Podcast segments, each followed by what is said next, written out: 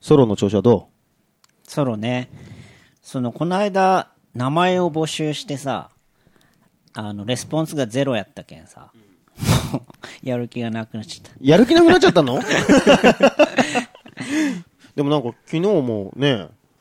丸一日かけて歌詞を返したっていう噂だけど。まあ、今日ね。今日か。まあ、昨日もやけど。いやいや、だから、う嘘で、あのめちゃめちゃやってますよ。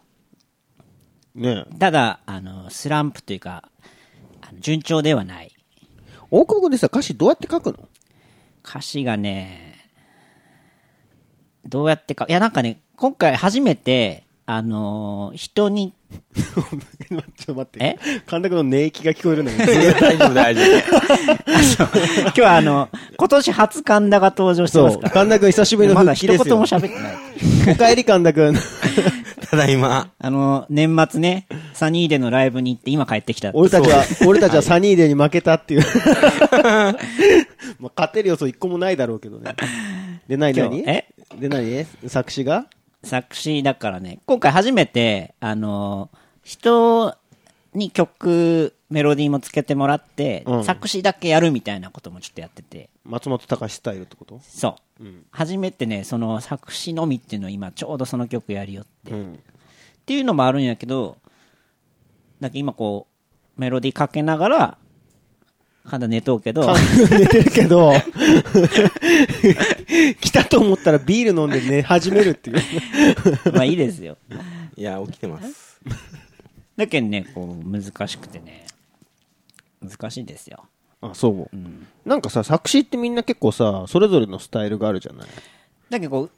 先生君とかもう歌メロとこう歌いながらつけていくタイプやろそう、もう鼻歌でハマってたらもうそれで OK っていうパターンだかでら。書き直しとかもせんやろほぼいや、するするよ。あそあの、いや、絶対言いたいワードっていうのはあって、ううんコピーライターだからさ。うん。 思い出したよね。うーん、だって。 あのね、俺だってそうだよそうで、なんかそういうワードはいくつか用意しとくんだけど、なんか、それぐらいかな。それが入ってれば OK。そうね隙間の部分に関しては、あの、リズムとか、うんうんメロディーとか優先。なるほど。俺すべて歌詞優先やもんな嘘。隙間がない感じだけあ、そうなんだ。なけん実感すごいかかるとその歌詞書きたいっていう欲求何なの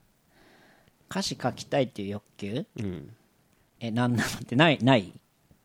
なんか俺の中ではそんなに、これ言ったら面白いかもなとかはあるんだけど、うん面白いかもなっていうのはあるけど、なんかその、隙間なく、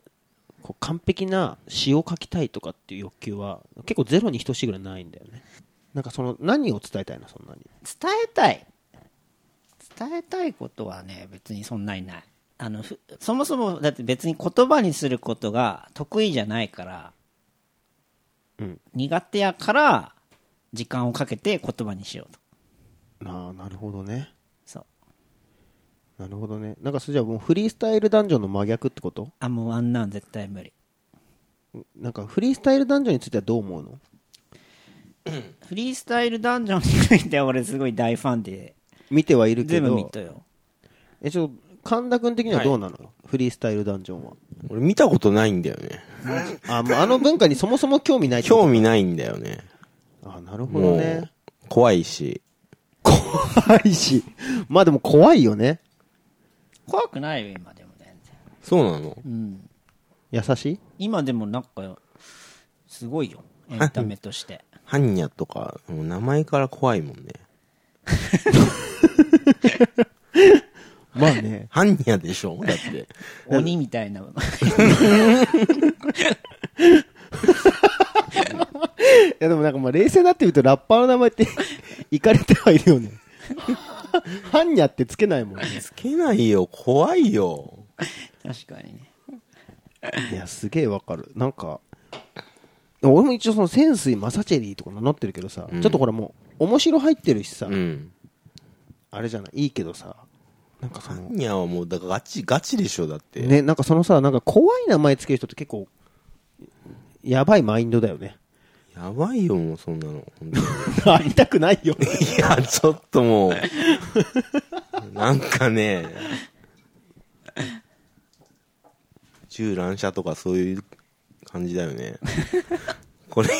なコント言ったらダメかもしれないけど、中これちょちょっと編集で切った方がいいかもしれないけど。多分切らないけど ね。でハンも、ニャ、銃乱射。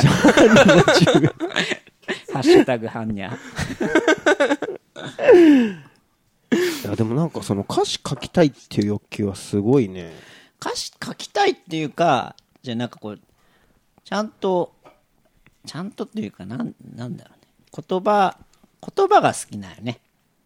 大久保いや本君当、は小説とか書きたいよ、俺。でも小説書く能力はなかったんだよね。そうそう。大学生の頃、ちょっと挑戦して、あこんなの絶対無理だと思ったから、なんかこうできるだけ逆に短い言葉で表現していこうなるほどねっ。てする結果だけどなんかこうあのメロディーに合わせてうん。歌詞をつけてった時になんかその余計なさ、うんなんか接続詞とかあの就職後とかがうん。入ってくると嫌なんよあ、そう。えーで、ちなみにさ、昨日、今日とさ、歌詞を書いてどれぐらい書けたの2日間で3行とか え、ちなみに神田君はどれぐらいの原稿、この2日間でこの2日間は俺は一切何も書いてないね。大体、3行とかはどれぐらいの時間かかるもん産業はもう一瞬だね。それだってライターはそうやろまあそうだよね。いやでもね、奥奥の気持ちもわかるよ俺は。あの、ライターもね、商業原稿と、うんあの、割り切って書く原稿と、力入れる原稿はやっぱ違うから。あなるほどね。うん。そうそう商業的になれればいいよあだけど逆にこう、C、なんか CM とか人に渡すやつとかだと結構その辺はラフに書けるなるほどね。うん。自分の作品ってなるとなんかそのもう A メロの歌い出しから終わりまでどこ切り取ってもこう大久保純也でいたいんよそれ何その名言。 何どこを切り取っても大久保純也でいたいんだ。なんかこう、だけなんだろうな、あのーよくある表現みたいなのが絶対嫌やね。ああ、なるほどね。まあ、使ってしまっちゃうけどね。季節が変わってとかさ、ああ。なんかネオンがきらめいてみたいな。よくわかんないけど。まあでもあるよね、そう夏いうがの。終わるからとかさ、まあ思いっきり使ったけ どさ、いやーなんかそういうのが一個気になりだすと、もうだんだん嫌になってくると。ああこれ、なあ、るほどなんねか。これで、なんか俺じゃないやつも言ってるなと思って。なんか書き方が、だから本当作詞家なんだね。きっと。いやでもさ、いわゆる作詞家はもっとうまくやるやろ、多分。いや、じゃあなんか俺の場合はさ、例えばそのさ、歌詞書きますってなった時にさ、ベタなことを入れたとしても、トーンで面白おかしく言えばバランス取れるみたいなさ。うん。なんか楽曲含めでなんかやっとう感じがするよね。なるほど先生ね。君はね。そう、俺はもう思いっきりそっちだね。詩だけ読まれたりしたらもう本当にひっぱたくぞって感じするから、ふざけんじゃねえっていうかさ今日はねなんかちょっと変わり種の大内くんがいない代わりにちょっとゲストがねこの後お来るからね はい。じゃあ一旦みんなで久しぶりのコールしますかそうですね。コールそうっを。すね。じゃあどうぞアナ大久保と、センスイマサチェリーのレレデディィオオレレッックク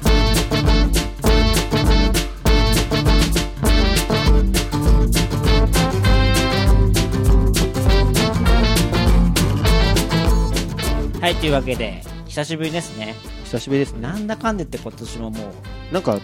神田君のこと知らない人もいるかもしれないから一回みんな挨一回拶するそうですね。そうですね。えー、アナの大久保です。センスイマサチェリーです とライターで、えー、ライターですね。ライターの神 田です。なんか今言っちゃいけないこと言いそうになったそうで すね。ラ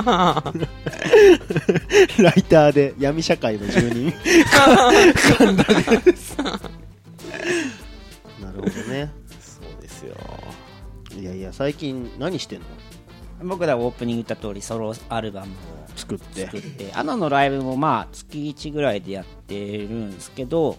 ちょっとこの先しばらく飽きそうなんでそれこそそうだよねこれ久しぶりすぎてアナのほら10周年記念ライブとかもさ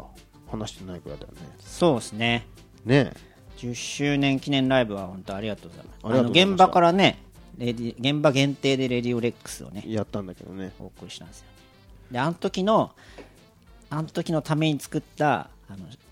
CM とかがもろもろ入っはいはいはたいスペシャル CD はいが、えー今セカンドロイヤルのはいはいはい方で穴のなんか T シャツとかグッズを買うともらえますんであのクソみたいな音源がいやあれ結構人気評判大家君が瞬間的に深夜のノリでやったっていうク そうソみたいなやつが大家の CM が10本ぐらい入ってて、あとアナの激レアのねあのソラニンとかも入ってますんでそらに言っちゃって大丈夫なんですか大丈夫そうかで一方その頃神田君は僕はですね、もうどんどん仕事がカオスになってきて、もう何をやってるのか自分でもわかんない感じに、今でもすっげえ忙しいよね今本当忙しいんですよね。台湾行って台湾行って、そして明日からまた台湾にそうだね行くんですよ、これが。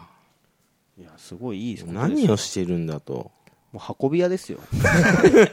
こんな直近で台湾連続で行くっていうのも怪しまれること間違いないですよ。そうだよね本本当にね何を運ん当でに空港で持ってきてん止だめられるっていうことになるかもしれないですね。最近、あのー僕スパ定期購読してるんですけど、ん今年から神田君がちょくちょくライターとして書いてるからそうですね、スパも、出禁が解けて、あできんやったのそうですね。昔やってたの昔やってましたね、スパ。なんでできんだったのまあ、原稿落としたんで、あそうなの よく復活したねもうあのさ神田君ってさその昭和のライターみたいなスタイルだ よねあの原稿落とすとかさあの原稿のライターさんからさなかなか聞かないもんね今そうですねみんな必死やからみねんな締め切り守りますよね。ね締め切り守ってるうちはライターとか言うなっていう話ですよ。すごいわけわかんないこと言い出しちゃったからね本当にい俺はだから嬉しいんですよやいいっすよね、レックスからスパ へスパ。そうなんですよ。愛読書なんスでパもまた、8月に多分もう一またやる感じなんで。ああと、来月号のポパイに、そうそれを僕も取っとこうと思ったんですよなんかこの来レック月号スかのらポパイに僕が、実はコラムを書いてまして、おうその、プロフィール写真も載ってるという、神田君がはい。おうえ今まではそのまあ特集だ、特集のライターだったんだけど、ポパイフォーラムっていうコラムのページがありまして、はいはいまあなんかイケてる人6人ぐらいが並んで、おう なんかちょっとシャレオツな人が6人ぐらい並んで、それそれぞれ好きな、今なんか好きなことをちょっとまあは書いてるっていうページがあるんですよ。はいはいそこに俺が載ってるっていう。今いけてる6人そうそうそう。しかも写真ありで、しかもそこにねそこに、潜水マシャ、マサチ。マシャチェリーマシャチェリーの ねことを少し書いていただいてそう、書いてるんですよ、俺が。なるほどレックスから俺ももう、とびっきりのシティボーイ風の写真を選ん で、載せたんで。ぜひね来てますねぜひ来週、来週じゃない、来月ポパイはちょっとみんなチェックしてほしいですね。いやなんかねあ次のポパイねじゃあ次のポパイ。そうですねあとそれその原稿もそうなんだけどそのおまけレコーズっていうののねそうですね。クラブ。クラブ。おまけクラブだ 俺が間違えてどうするのそこのね MC ペロちゃんっていうのを大久保君と一緒に作ったりとか、僕はちょっとねスクラッチとコーラスをそうだね参加させてもらって、そう最です近、ね。スクラッチの依頼をするたびに大久保君から手こきの依頼が来たって家が近くなったけんさもうちょっとスクラッチ入れたい時にさ「僕、ちょっとこすってくれんかいな」12時もう深夜じゃないけどさ夜夜遅くに呼び出され家までプラッと来てねシコシコシコってやって帰るっていうのをやってますからまあひどいもんですよねでもその流れでリリカルスクールもねリリスクにもあ、そうなんですクラかッ。チで参加してもらってもうすごい。俺はいつになったら手こき以外で参加できるのかっていう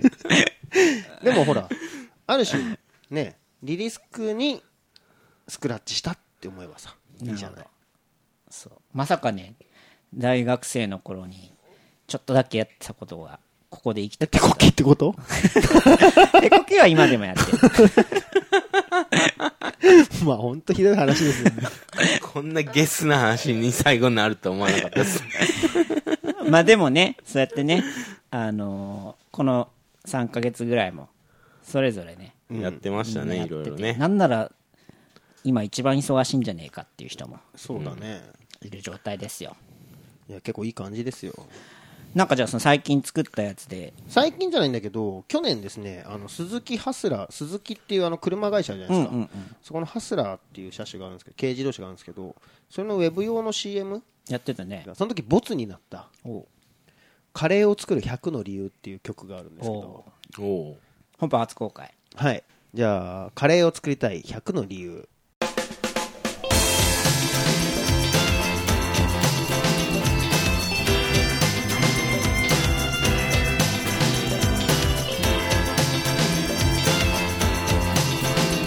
いつも通りの日々が過ぎてくね」「だけどそれだけじゃつまんないよね」「信号待ちで見やけるようなフェイス」「もう」心が変わらないうち走り出す Wow 思いついたんだ君を驚かせるようなこと日本中が僕を後押ししてくれるみたい思い出したように遊び心を切り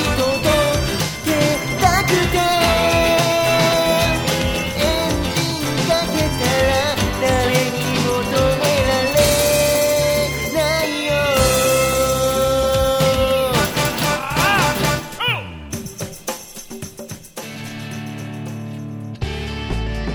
アナ奥本、センスマスチリのレディオレックス。俺はレックス最近見ないでファックス心はマックス必要になったら坊主を読んで今日は、ちょっとね、いつもと毛色の違う人に来てもらいましたよ。曹洞宗のですね、お坊さんの本田さんです。どうぞ自己紹介を。熊本県の太陽寺っていうお寺の、うんまあ、弟子っぽい感じの本田翔寛と申します。よろしくお願いします。よろしくお願いします。お願いしお願まいしますなんかこう、本田さんは実は、なんだかんだと、ちょこちょこ、あの、レックスを聞いていただいてるみたいで、ええ、大好きです。お坊さんが聞いてんだよニヤニヤするんじゃないよ お坊さんが聞いてんだよ。ありがたいねありがたい話ですよ、本当あのちょっとも話変わるけどもなんかまとめられてたもんね今何がこのポッドキャストが聞けみたいな、ね ああ、なんかね、面白いポッドキャストネイバーが。まとめみたいなのに上がってましたよありましたねで。もまあ、もともと本田さんは、あの、お仕事だったりとかでもちょこっと知り合って一緒にやったりとか、で、なぜかそう、Facebook で繋がった結果、レックスを聞いてくれて、でしかも出て、出たいと言ってく れて。 もう本当にレアですよね。確かに。はい。本田さんでも今、熊本のお寺に5つ、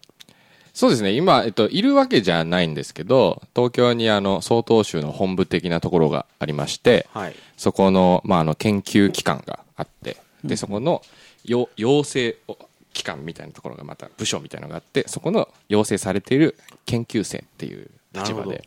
勉強してます。なんかちょっと変わり種なので、ちょっとレックス版ぶっちゃけ字をやってみようかなとおーああ思ってるんですよね。そうあのそういうのはお坊さん的には OK なんですかあの、お坊さん、基本、なんだろう、ダメっってのがないですよ ね NG なし NG なしなんじゃないあ、ですかねそうなんですね。なんならこう全部 NG で全部 NG じゃないみたいなのがこう両立されるみたいうなーん。なんかそれこそだって本田さんこう今お坊さんとして登場していただいてるからあれですけど最初に深く話し合ったのあれですかね新宿2丁目のゲイバーですからね 先生さんゲゲイイババーいいでーすよねとか興味ないですかって話してでなんかあ全然ありますって話したらちょっと行きつけがあるんで行けませんかっつってボトル入ってますからね僕からすると、まあ、あの、知り合いのお坊さんとか、あの、君島さんとかいるんですけど、でもなんか、お坊さんとゲイバーで飲むって何なんだと。ちなみにそっちではないんですよねそっちじゃないです。 もうわからないです よねもうもうわからないですで、なんでまあ2丁目で飲んだのかっていうと、この、本田さん、LGBT、レズビアンレズビアまンで言ってください、えっ、と、ビアンねビアンそうビア ン B になっちゃうか な。ゲイ、えっ、と、バイセクシャル、はいえっ、と、トランスジェンダートランスジェンダーのあの葬儀について研究してたりとかですねなるほどねなかなかキャッチーな研究をいろいろしてらっしゃる方なんですねまあキャッチーだと思ったわけではなかったんですけど確かにね問題にはなるけどそその死後のこととかまでは問題にてかまだそこまで話がいってないもんね、そうねそそもそもお坊さんって普段その研究所とかで何してんですかスーツを着てパソコンの前で、えー法話を書いてるみたいなほ 法話ほ法話っていうのが多分普段普通の人には分かんないと思うんですけどあ仏教の話ですよねお坊さん的滑らない話的なことでしょ えー、ただ滑りますけ どうんで常もにその滑らないようになんか檀家さんとかの前で話すこうそうですね。まあ、でも考えたりとネタ集みたいなか、まあ、普通に講義みたいな形で、仏教の歴史だったりとか、その、まあ、僕は曹洞宗のお坊さんなので、えー道元禅師の書いたものを学んでみたりとか、えーいう感じですね。陰性みたいなイメージでいいと思います。なんかこう、ゼミ的な。でその中の研究の一環として LGBT の葬儀まあ、葬儀だけではないというか、葬儀はむしろこう、それを LGBT というか、まあ、セセクシャルマイノリティですよね。と言われてしまう人たちについて考え始めたら、あ、葬儀も考えなきゃいけないんだなっていうのに気がついたっていう感じなんですけど、いや、もともと、あの、結婚式、なんかお寺って、なんかまあ割と暗いイメージだなはっていいうのがあって、特にまあそのお寺に行くのはなんかこう癒されに行くでもいいと思うんですけど、こうお坊さんと出会う時って大体こうお葬式が始まりというか、そういうようなイメージだよなと思ってでも実際こう、まあ、明るい場面にも行けるんじゃないのかというのがあってで、えっと、僕3年前ぐらいに結婚をしたんですけど、まあ、その時仏前結婚式をして、えっと、友達も、まあ、意外や意外いいねみたいな話になりまして、とどうにかこれをこうなんか広められないだろうかみたいなことをこう考えてたんですよ。でそしたらあの渋谷区のあの、パートナーシップの制度ができたじゃないですか。で、あの記事を読んでて、あれど同性婚って仏前結婚式じゃダメなのかな、というふうに思ったんですよね。まあ、結局こう、その、まあ、僕はあまりその、セクシャルマイノリティというものを知らなかったので、えっと、じゃあちょっとちゃんと知らないとダメだろうと思って、まあ、バーっと本をこう読み漁ったところ、あ、いけそうだと。ああなるほどいうふうに。で、実際、僕の周りには、その公言してる人、はいはいはいその私は、あの、ゲイだったり、レズビアンだったりっていう人がいなかったので、まあ、あの、そこで有名な二丁目に行って、やられてこようと思って、 出てこようと完全に心を折られて帰ってきましたけど。 本当いやいろいろ考えさせられましたね。モテそうっすよね、そっちのいや、それが意外とそうでもない。あ、そうなんですなんか。かあれ、優しそうなのんけね、ふっみたいな。へ感じでしたね、えーこの間初めてあちょっとゲイっぽいかもしれないって言われてなぜかこう喜びの心が生じるって いう不思議な体体験をしましたいやわかりますよだ僕その本田さんと行ったんですけどその時もう一人いたんですよ、え。で行ったんですけどそのもう一人がモテてるんですよね。うん入ってきた瞬間に、店の中がざわってするみたいな。でその瞬間に、僕全然のんけなんですけど、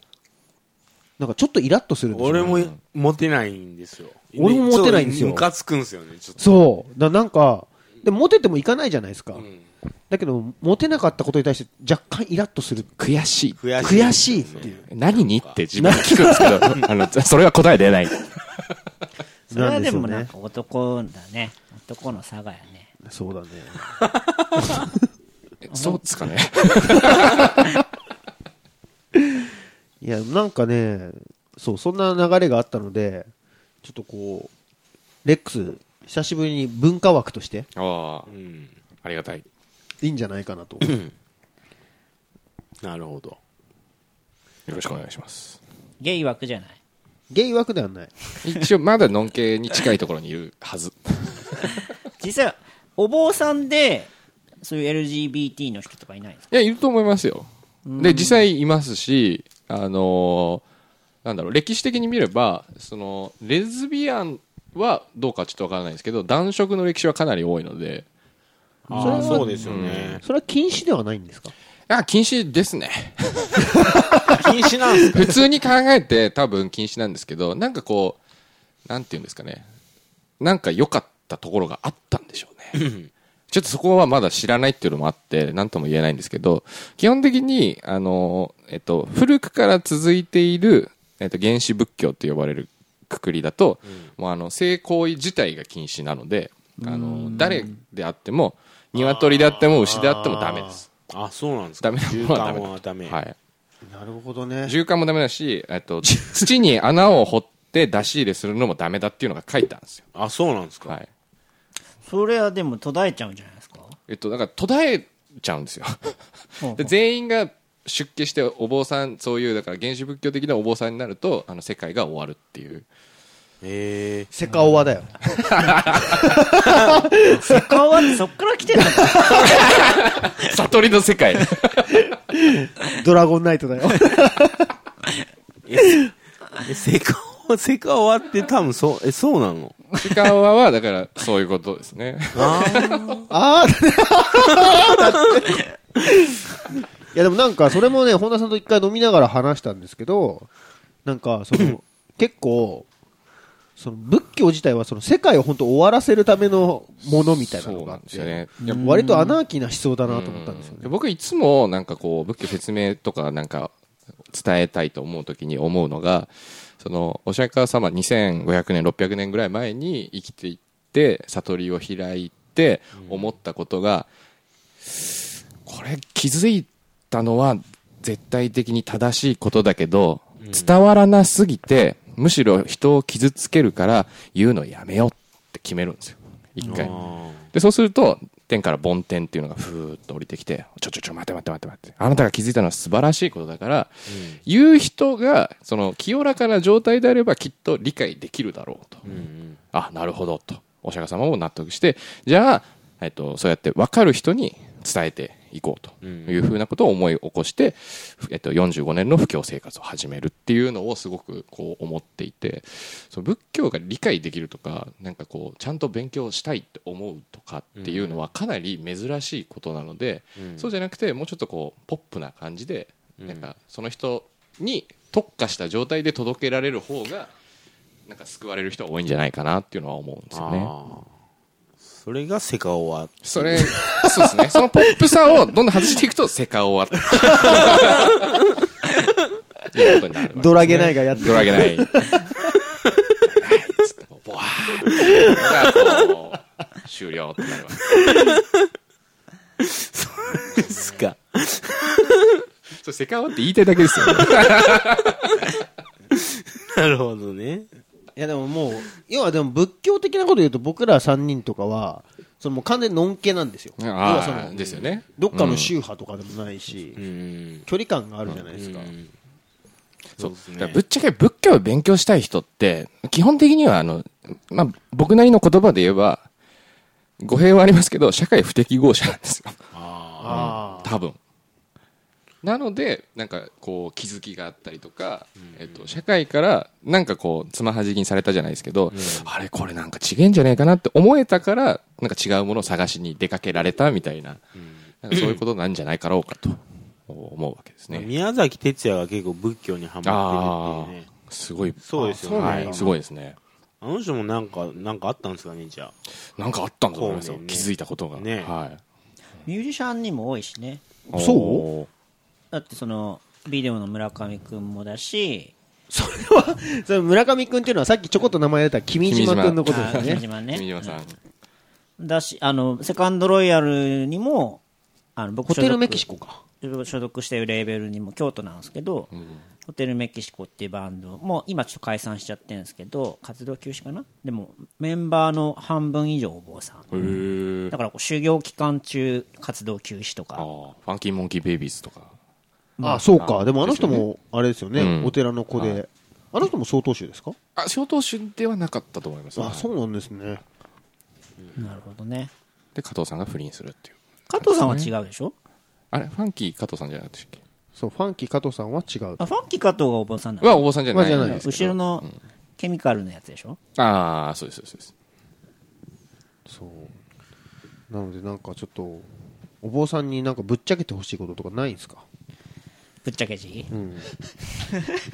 今日はちょっともうこのお坊さんという媒体をちょっと遊んでいこうと。ああそうですね 遊ばれたいなんか遊僕ばはれ結たい構この本田さんと最近ちょこちょこ飲ましてもらってるので、なんか面白いのが、普通だな と。やっぱり。おおこうお坊さんっていうと、ちょっと色眼鏡で見ちゃったりするところはすごいあるから、生きてく上で欲ってあるんですかあ欲はえっとその無欲な状態がじゃあ悟りの状態かっていうと割とそうではなくて欲に煩わされない煩悩っていうじゃないですかはいはいあれ、煩うに悩むって書くじゃないですか。だから、煩ったりとか、悩んだりとかするものとして、えっと、欲を取り扱わないっていう。で、欲ってじゃあ何かっていうと、なんかこう、生まれ出てくるものなわけですよ、基本的に。はいはいで、それは、あの、えっと、欲しいから、なんかこう、手を伸ばしていっちゃうんですけど、で、その手を伸ばすことそのものも苦しみであったり、悩みであったり、煩いにつながっていくから、その手を伸ばすのを、まあ、やめようや。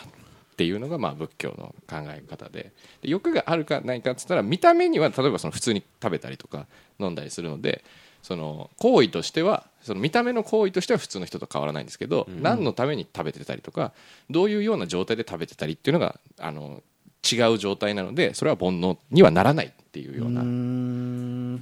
とになるとでそれはまあ悟りを開けばの話ですけど、まあ、僕は開いてないので多分全部欲ですね 残念ながら。もう僕、でも話してると本当その欲とかも多分僕らとあんま変わんないですもんねい。や、もう、もう、変わんないですよ。その欲が来た時にどう対処するかとか、それへの考え方みたいなのが少し違ったりするぐらいの話ってことですよね。まあでも、なんか、僕も最初、考え方をガラッと変えることが悟りの世界なんだろうというふうに想像してたんですけど、実際は意外とそうでもなくて、まあ表現としてよく使うのは、あの、目をつぶった状態で生きてるのが僕らで、えっと、悟り開くと目が開くと。で、そうすると、だから目が開いた状態なので、あの、そのもののありようがよくわかるし、どう手を伸ばせばいいか分かってくる。でも、目をつぶってる状態で生きてる僕らっていうのは、それが分からないから悩んだり苦しんだりするっていうような表現をするんですけど、目が開いてる状態とつぶってる状態で全然違うじゃないですかい。やもうでもなんかそういう作詞みたいですよね 大久保君の書く歌詞みたいだもん暗闇から手を伸ばせですよねあもうお酒 んだあれどんな歌詞だ何を自分の言葉のように酔ってるんですかいやでも本当そうだよ原理ですねおい酒やなんか感覚が違うっていうんですかね、なのでその理解するとか考え方が変わるとかじゃなくてもうこのコップを持つっていうことがそのものがもう悟りを開いてる人と開いてない人じゃもう違うというようなことなんじゃないかとなので開かないとわからんなという感じですねそれはなんだろうな修行とかしなくても開けてる人はいるんですかあの無視読語って言って師匠なしで一人で悟るって書くんですけどはお釈迦様はその状態なんですよね、師匠、まあ、2人ぐらいいるんですけどその人のもとで修行してもなんかちげえなっつってこうまあ、なんかちげえなって言ったかどうかちょっとわかんないですけどじゃああのここじゃ僕の悩みは潰されないなんか消えないっつって違うところに行ってでその当時流行ってた苦行っていうのがあってものすごいこうガリガリに痩せ細ってみたり息をずっと止めてみたり。もうガリッガリの状態になっていやこれはこのまま続けてもう悩みないなくならない状態で死んじゃうとうんいうことに気づいて、あのどうしたらいいかって考えたら座禅、まあ、その禅定って言って、まあ、その瞑想みたいなことですねをやってあのある日、まあ、7日目の朝に気づくみたいなことを言われていてその気づきっていうのが、まあ、仏教のこう核となって今だに続いていると。あれあるじゃないですか、あの、即身仏って。はいはいはいはいあれはもう、ちょっと、頭が、ちょっと、頭がちょっと。まあでも普通の状態じゃないないですよね、うんあれ。もうき、ねちょっと。普通の状態じゃできないですよできないですよね。しかもあれすごくてなんかあのその、まあ、促進物になってはい腐っちゃうと、なんかあの人は本当はなんか良さそうな人だったけど腹黒かったから腐ったんだみたいなことをこう後から指さされるってあいう、そうなんですそんなよ。こいともいあったとこらしいないですやん、それ。だからそれがないようになんで大阪弁に 戻ったのこう自分のこう脂肪とかをこう全部取り除くためにこう五穀って言ってこうなんか冷えとか泡とかわーって食べて、 はい。油を減らしていってその腐らない状態にして座ってそのまま生きたえるなる ほど。すごい変な話なんですけどお坊さんってその一応経済になってるじゃないですか一応経済になっているそのなんていうんだろうみんな食えてはいるじゃないですか今のとこあろ今のところですねなんだかんだ言ってはいはいはいはいそれってそのなんでなんだろうなというかえっ、と幕府が保護してくれたからやっぱそのパトロンみたいな考え方っていうのがやっぱりでかいそうですねパトロンは多分でかいと思いますていうかあの仏教がやっぱ広まるのは国王に保護されたりとかっていうのが、まあ、やっぱでかいので、なるほどねうん、だからまあそのなんていうんですかね階級飛び越えてその人にちゃんとものを伝えられてその人を納得させられる力が仏教にあったっていうことですよねだからコンサルってことですよねある種のある種コンサルとかだと思いますはいあなるほどねなんか一番今羨ましいやつだよね職業的に職業的にまあでも今どうなんですかねお寺はお坊さんっていうのはこれから未来に向けてどうなっていくんですかうーんあ僕ね気になることあってあはいそのお坊さんでも昔からあるもんじゃないですか、はいとか仏教とかってそのなんか最先端の技術とかってなんかこうかんあー考えたり、はいはいそれに興味ある人とかっているんですかドローンとか。ああ結構いると思いますよドローンあのってか脳科学とかはかなり AI とかにその取って仕事がなくなるとかってはいいはいうはいは危い機感とかはないですか、あ AI には多分変わられないとは思う僕は思ってますけどね AI にはお坊さんはできないうんえー AI 坊主。いや僕普通に AI 坊主って、まあ、要は AI は悟れるかみたいなあああれ AI は人間じゃないので悟れないと思います絶対に絶対に人間じゃないと悟りは開かないです逆に言うとこれちょっと意地悪な考え方かもしれないけど AI ってもう悟ってるって可能性そはなうでいですすか僕もそう思うんですよああ逆にあれあの状態になれるのがお坊さんなんじゃないのかなあああなるほど最適化してるじゃないですか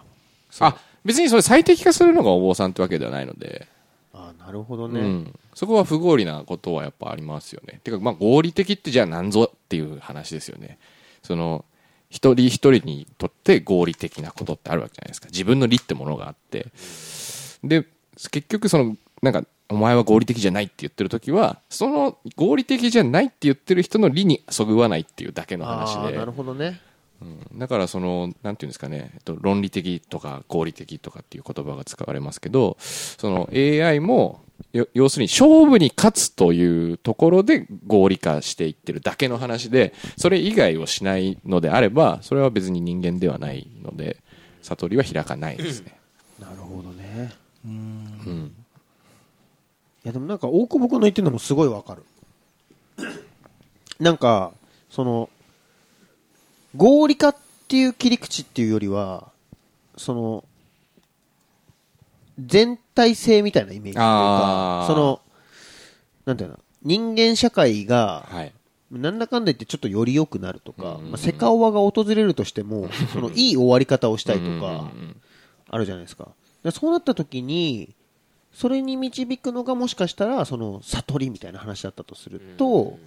その AI とかって、その逆に言うとその理性とか、その欲とかが絡まないはい分はいはい絡な絡まない分、なんて言うんだろう、公明正大というか、うんうんもう全体主義だし、はいはいなんかこう、本当にその、世の中が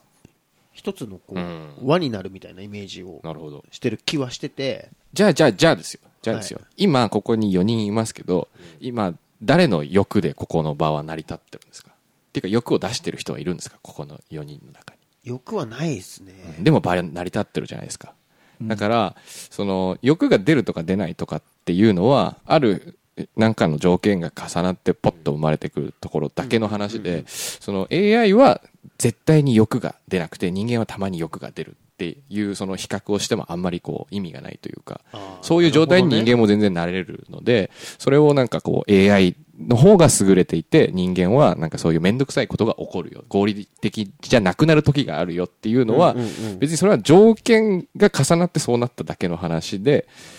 なんか別に、なんていうんですかね、その、それは人間だとかっては言わないんじゃないかなと僕は思ってるっていう感じあであ、すね。なるほどね。難しい なぁえーんとこれでもめんどく一さいすね番、今までのレックスの中で一番、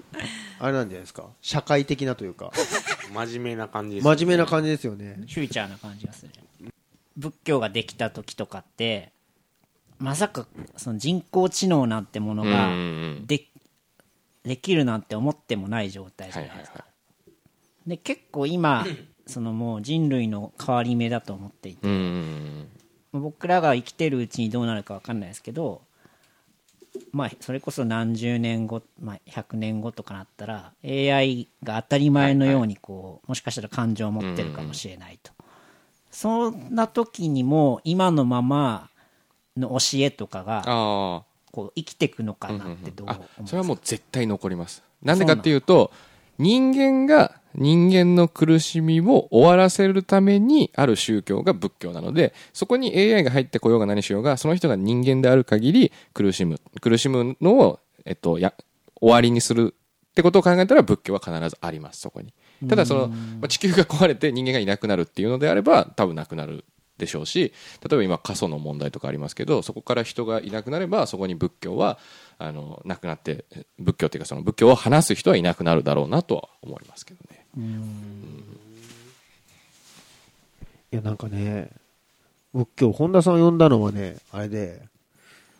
なんか仏教、言い方悪いかもしれないけど、やっぱファンタジーだと思ったんですよ。うんなんかね、変だなと思ったんですよい。やすごい世界だと思います。そう、なんかうん結構、今ってみんな、その、明日の飯を食うとかう、んそういう不安の話してるんだけど、今の話じゃないけど、まあ頭おかしいなっていうか、さあ、えなんでそんなこと考えなきゃいけいないけのないのみったていいな。うのを延々こう考えたりとか、うん、なんかこう話したりとかそう、ですね。それを教えとか言っちゃって、 はい。 いやだからなんか、い本や、当そうなんですよいやだからぶっちゃけ今研究所にいるからこそ仏教って面白いなと思ってやってますけど、これ多分お寺の子じゃなくて何でもなくこう僕が僕のままでお寺の子じゃないパターンがあったら、僕宗教いらないと思いながら多分生活してたと思いますもそうっすよね。うんだからなんか、そこが面白いから今日ね、あの、ちょっとレックスで一回話してみようかなと思って、いやー、まあそんな感じなんです よ。こう、ちょっとレックスにね、新しい風を吹かせようと思って。もう本田さんレギュラーでさお悩み相談コーナもう一回ー親悩み、おお悩み相談は結構いいかもしれない毎ですよね。回ちょっとした法話をなんかいいんじゃなうん。いいろんな、まあ、悩みじゃなくてもこうこれ伝わってるんですか ね結構ね、今回のはね、その、初登場にして結構ね、ハイレベルな話になって。う。そう。でもなんか、俺、レックスちょっとこのね、あの TBS のライフみたいな流れあると思うんだよね。なるほどとかなんかこの新しい文化を紹介していくっていおうう。なんかね、やっぱりこう、ち普ょっとライフっ段、ぽかったね今日はそう、ライフっぽいでしょ、ちょっと。なんか、普段ね、やっぱりね、そのお坊さんと接することが長い、そうですよじゃないですねかでお坊さんもお坊さんとしてやっぱ接するっていうのもあるんですよね多分ね。で毛先切るとやっぱこうシュッとしますもんねそう。だからなんか、やっぱみんなその、いや、これ聞いちゃいけないんじゃないかなとかっていうのうがん確かに、僕今そのお坊さんのネックだと思ってるんですよ。はいはいもっいとやフランク僕にそれでもそれも結構必要なことではあると思うんですよ必要なんですけど、はいそっち行きすぎると、本当にただ聞かれなくて無視される人になっちゃうと思うはんいはでいすよね。あそうなんですよねいやその日本のいいところとしてはそのグラデーションがすごいいっぱいあるっていうかあそのやっぱ僕タイとかラオスとか行くんですけど、その線引きって結構すごくてタイとか行くとその、えっと、妊婦さん怪我した人高齢者お坊さんの席があるんですよね、あはいはいはうんい。でこのぐらいかなりかっちりこう決められているところでそのお坊さんになったら自分の息子であってもお坊さんとして接するお坊さんの、えっとまあ、お坊さん専用ではないですけど敬語みたいのがあったりしてそれを使って喋るっていうのはかなり線引きがされていてそれはそれで多分素晴らしいことなんですけどなんかそういうものもあれば違うものもあるっていうそのごっちゃ混ぜな状態が日本の多分ななんていうんですかね新しい目というかある意味その結婚したらお坊さんとして見てもらえないですよね、普通普通はっていうか普通の世界の宗教あの中国でも基本的には多分そうなんですよけど、日本だとあの一応僕をお三人さんはこうお坊さんとして見てくださるっていうのはなんかそこの境界が曖昧だからこそなんかその立場を割と同じくして喋ることができるっていうなんか可能性みたいなのがあるんじゃないかと思っていてなんかそこの枠にはまりたい俺みたいな感じなんです ね。感じですね。なので、ちょっとこれ、初の文化人枠ですよ。文化系でも初だよね、多分文化人枠。総統集のびっくり箱ですからね、えーいや何が出てくるか分かんないですなので、ちょっといろんなところで、ちょっとこの本田さんにもしレックス絡みで会った時とかは、結構皆さんの多分雑な質問がはい埼玉の奥の方からはい来ますんで、飛んでくると思うので、とかね、あの、本当に、なんかちょっと聞いてみたいことあれば、そうだ気ね。軽にね気軽に Facebook 内で連電話してく絡ださをいもらえれば、んゲストに読んでまたそうだね。特集をやりますんで、はいもうちょっとね、そうね。続編をまたやりましょうよ。そうだね。よろしくお願いしますちょっとじゃあ、次回は、本田さんのお悩み相談室なるものを、ちょっ と。僕の悩みも相談していいんですかあの本田さんの悩みも全然いいです よ。僕らがもう、ズバリ言うわよあっーてなる感じほどでな。るほどまあ、てなわけで今日は、あの、本田さんに来ていただいて、はいい、はいろいろざっくばらんに話しました。はいちょっとでもなんかいい感じだったんじゃないですかね。そうですねじゃあ一回コーナー閉めてエンディングいきましょうか。じゃあ、必要になったら、坊主を呼んででした。ありがとうございました。ありがとうございました。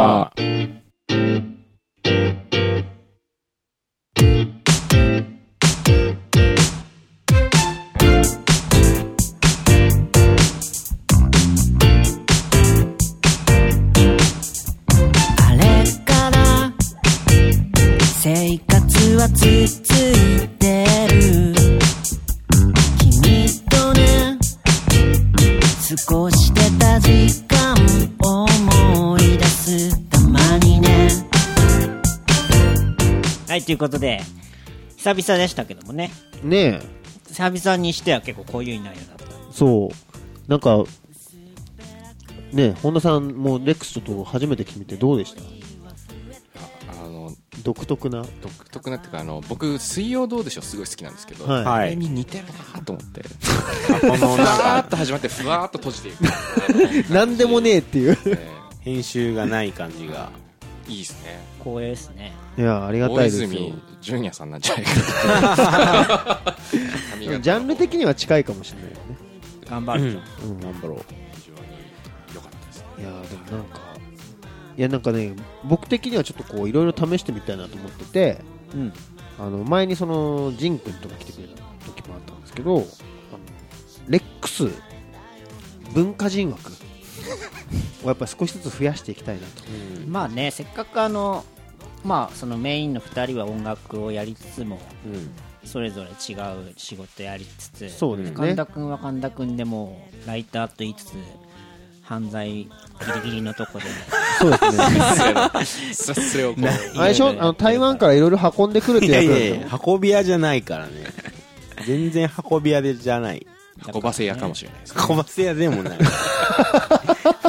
よしに台湾だよっていうねなんかせっかく広がり多分普通だとつながれないとこうにんうんつながれる状態なんで、なんかね、面白い情報を発信していけたらな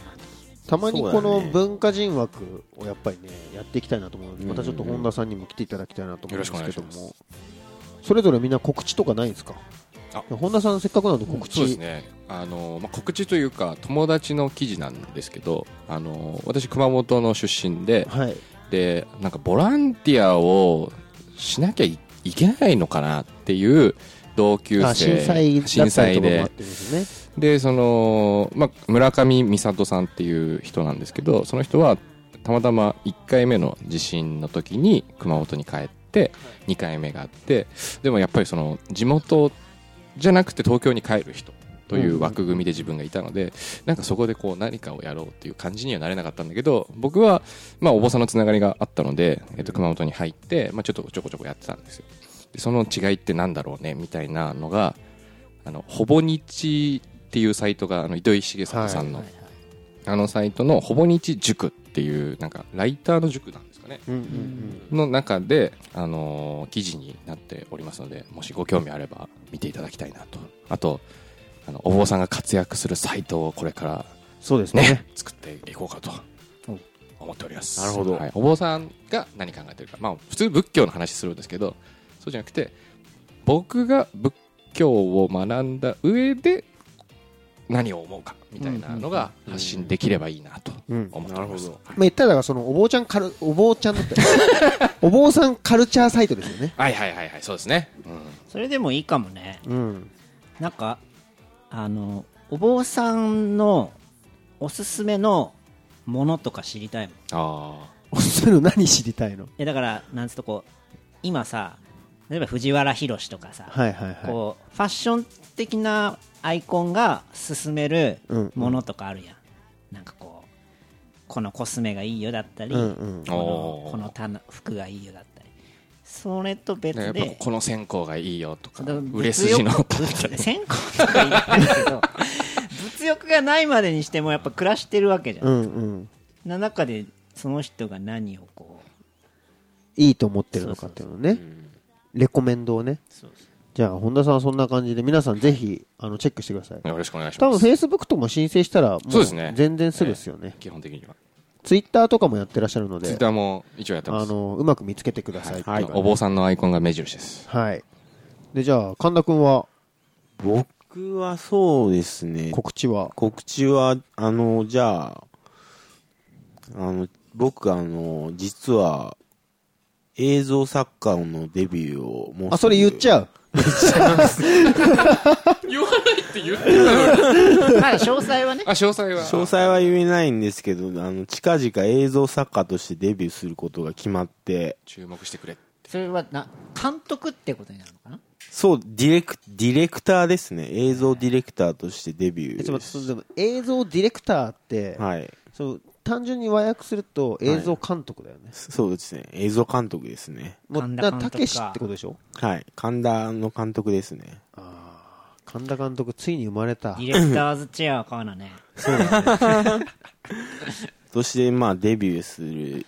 第一作がもうすぐ、あの、今、編集を始めようかなっていうところなんで、はいもう撮り終わりまして。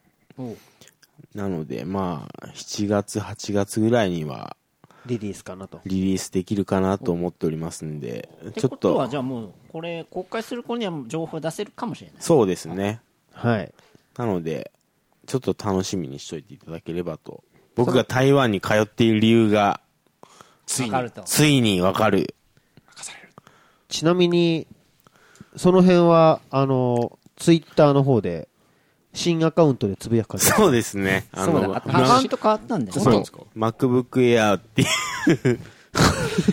MacBook Air ボットという MacBook Air ボットっていうツイッター名なんですけど、何があったあの今まで よく取れたねそれアットポッケっていう名前だったんですけど、何があったのいやなんかその、不正なアクティビティがあったから、いパスワードを変えてくれって言われたんだけど、パスワードを変えようと思ったら、その、あのパスワード変えたらあ変え変えようと思ったらその登録したメールアドレスにリンクを飛ばしたからそれを踏んでくれって言われうんたのね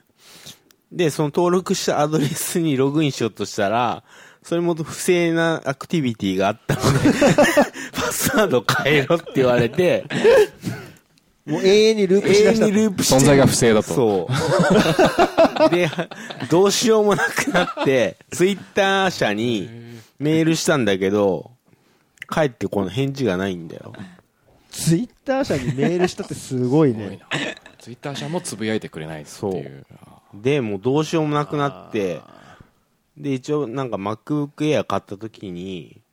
なんか MacBook Air を人格化して、面白おかしくつぶやこうと思って撮ってた MacBook Air ボットっていうのが、あ撮ってたんや撮ってたんだよ。それがメインになってしまそうれがメインになってしまった。今までその SNS の上でこういろいろ培ってきたそう。関係が顔色全の部悪そうなあのアイコンですそようねそう そうそう。 あれが使えなくなったんですよ。残念なことこの上ない感じですねそうなんですよ。でも、なんとかしようと今も、でも頑張ってるとこなんで、復活しようと。あまだ残ってはいるんだ一応残ってはいます。でね、消え、消えてはないんですよ。入れないだけなんで、僕は操作できないだけなんで、もしかしたらでもそっちの方にいっぱいなんかメールが来てたりとか DM そがう、来てたりと来てかたりするかもしれない。最悪新しいつぶやきがされてるパターンもありますね誰かにああ、それも最悪ですね。それ嫌ですねななんるほかどね SF みたいなねねタイムリープみたいな抜け出せない SNS を抜け出せえなないいやつだよね 人格がおるのかなそこに いやー、怖いわ。これで一本取れそうですね じゃあそんなわけで神田くんの映像にみんな期待し今て年くれのよ夏とはじゃあちょっと神田君期待ですねそうですね。今年の夏神田祭りですね神田祭りです。じゃあね大久保くんは僕は、えっと、今もう何度も言ってるようにソロを作ってるのでちょっと夏中には完成させて何かしら、ちょっとレックスで初公開できればなとてかあれですよね前回あのみんな大久保くんのソロネームを募集したんだけどそう何の反応もなかったからなんだっけハッシュタグ何にしたらいいの大久保ソロ大久保ソロ大久保ソロにしハッシュようタグ大久保ソロでいいですよハッシュタグ大久保ソロでいいのでちょっと本当に名前を考えてください今のところだから大久保北京が優先順位が高い北の優先順位北の都と書いて大久保北京が一番候補になってますんでねはいでそんな感じかなじゃあうんそんな感じです、はい。で、潜水マサチェリーに関しては、えーっと、現在、僕結構ニュース多いですよ、最近。おおどうぞその、トロピココの CM をみんなさっき聞いてく聞いてくださいっていうのと、あと MC ペロちゃん。うんえーっと、大文字 MC で、小文字で PERO でペロちゃんなんですけども、思いっきりクラブですね、はい所属これにですね、えーっと、トラックを1曲お渡ししてるのと、なぜかですね、あの、ラップを披露してるという。聞きましたよ。はい。その曲でよねはい。で、まあ、スクラッチはさっき言った通り、大久保くんがやってくれてるっていうような状態です。なんで、ぜひ聴いてください。iTunes とかでも買えるので。と、あとは、リリカルスクールですね。リリカルスクールの、えっ、と、7月6日発売のシングルの方で、えっ、と、B 面の Kiss Me って曲を担当してます。そうなんですよ。これ、あの、カバーなんですけど、わりかしいいと思うんで。ライブ見ましたいや、そう、本田さんがね、たまたまなのか、なんか商業施設に行ったら見に、見にあの、ライブをリリカルスクールがやってたと。ファンのノリについていけなくて悔しい思いをす るやっぱアイドルルの現場独特ですからね。踊り覚えてるんですねはい悔しいんですねあれ本当にカンヌでねそうですねビデオが賞も取ってましたああからねいや本当にすごいでもうす飛ぶ鳥を落とす勢いのですよ、これこそ。アーティストゲイの中でもかなり噂になってましたからあ、本当ですか。次回はその話をということでそうですね。リリスク、そうですね、次回のやつやってるので、多分これもカバーで EDU って人たちのカバーなんですけど、これも同じく大久保くんがスクラッチはいもう何かっていうとね。 てなわけで、い皆さん、あの、ぜひいろいろチェックしてくださいませということです。ねえなんか久しぶりのレックス、はい。神田君も久しぶりに集合できて、そうですね。本当久しぶりですいませんでした。今まで。なんかね、引サニーデイのライブ行ったまま帰ってこず。引長かった退ね、引退したのかと。でもなんかこの、まあ、やってない間にもあの新たに知ってはいはい。 1回目からこの最近のまでまとめてもう2回聞きましたっていう人とかいたからあ、そうそう、僕の行きつけの、はいメウノータっていう高円寺のビーガン料理屋さんの夫婦は、もう一から聞いてくれて、ファンに、大ファンになって、あ、本当ですか。レいディオレックスの、ありがたいねや、ありがたい話ですね。続けましょなんで神田さんを水道水を出したままなんですかってう言われま懐したかね。しいね懐かしいね。神田君が一番怒りてた頃だね。そうですね。いや、もう本当病的な感じですよね。いや、まあそんな感じで、レックスはまあのんびり続けていくぞとはいいう感じですかね。はいじゃあ、久しぶりにみんなで最後言いましょうか。行きましょうかはいせーの。おつかレックス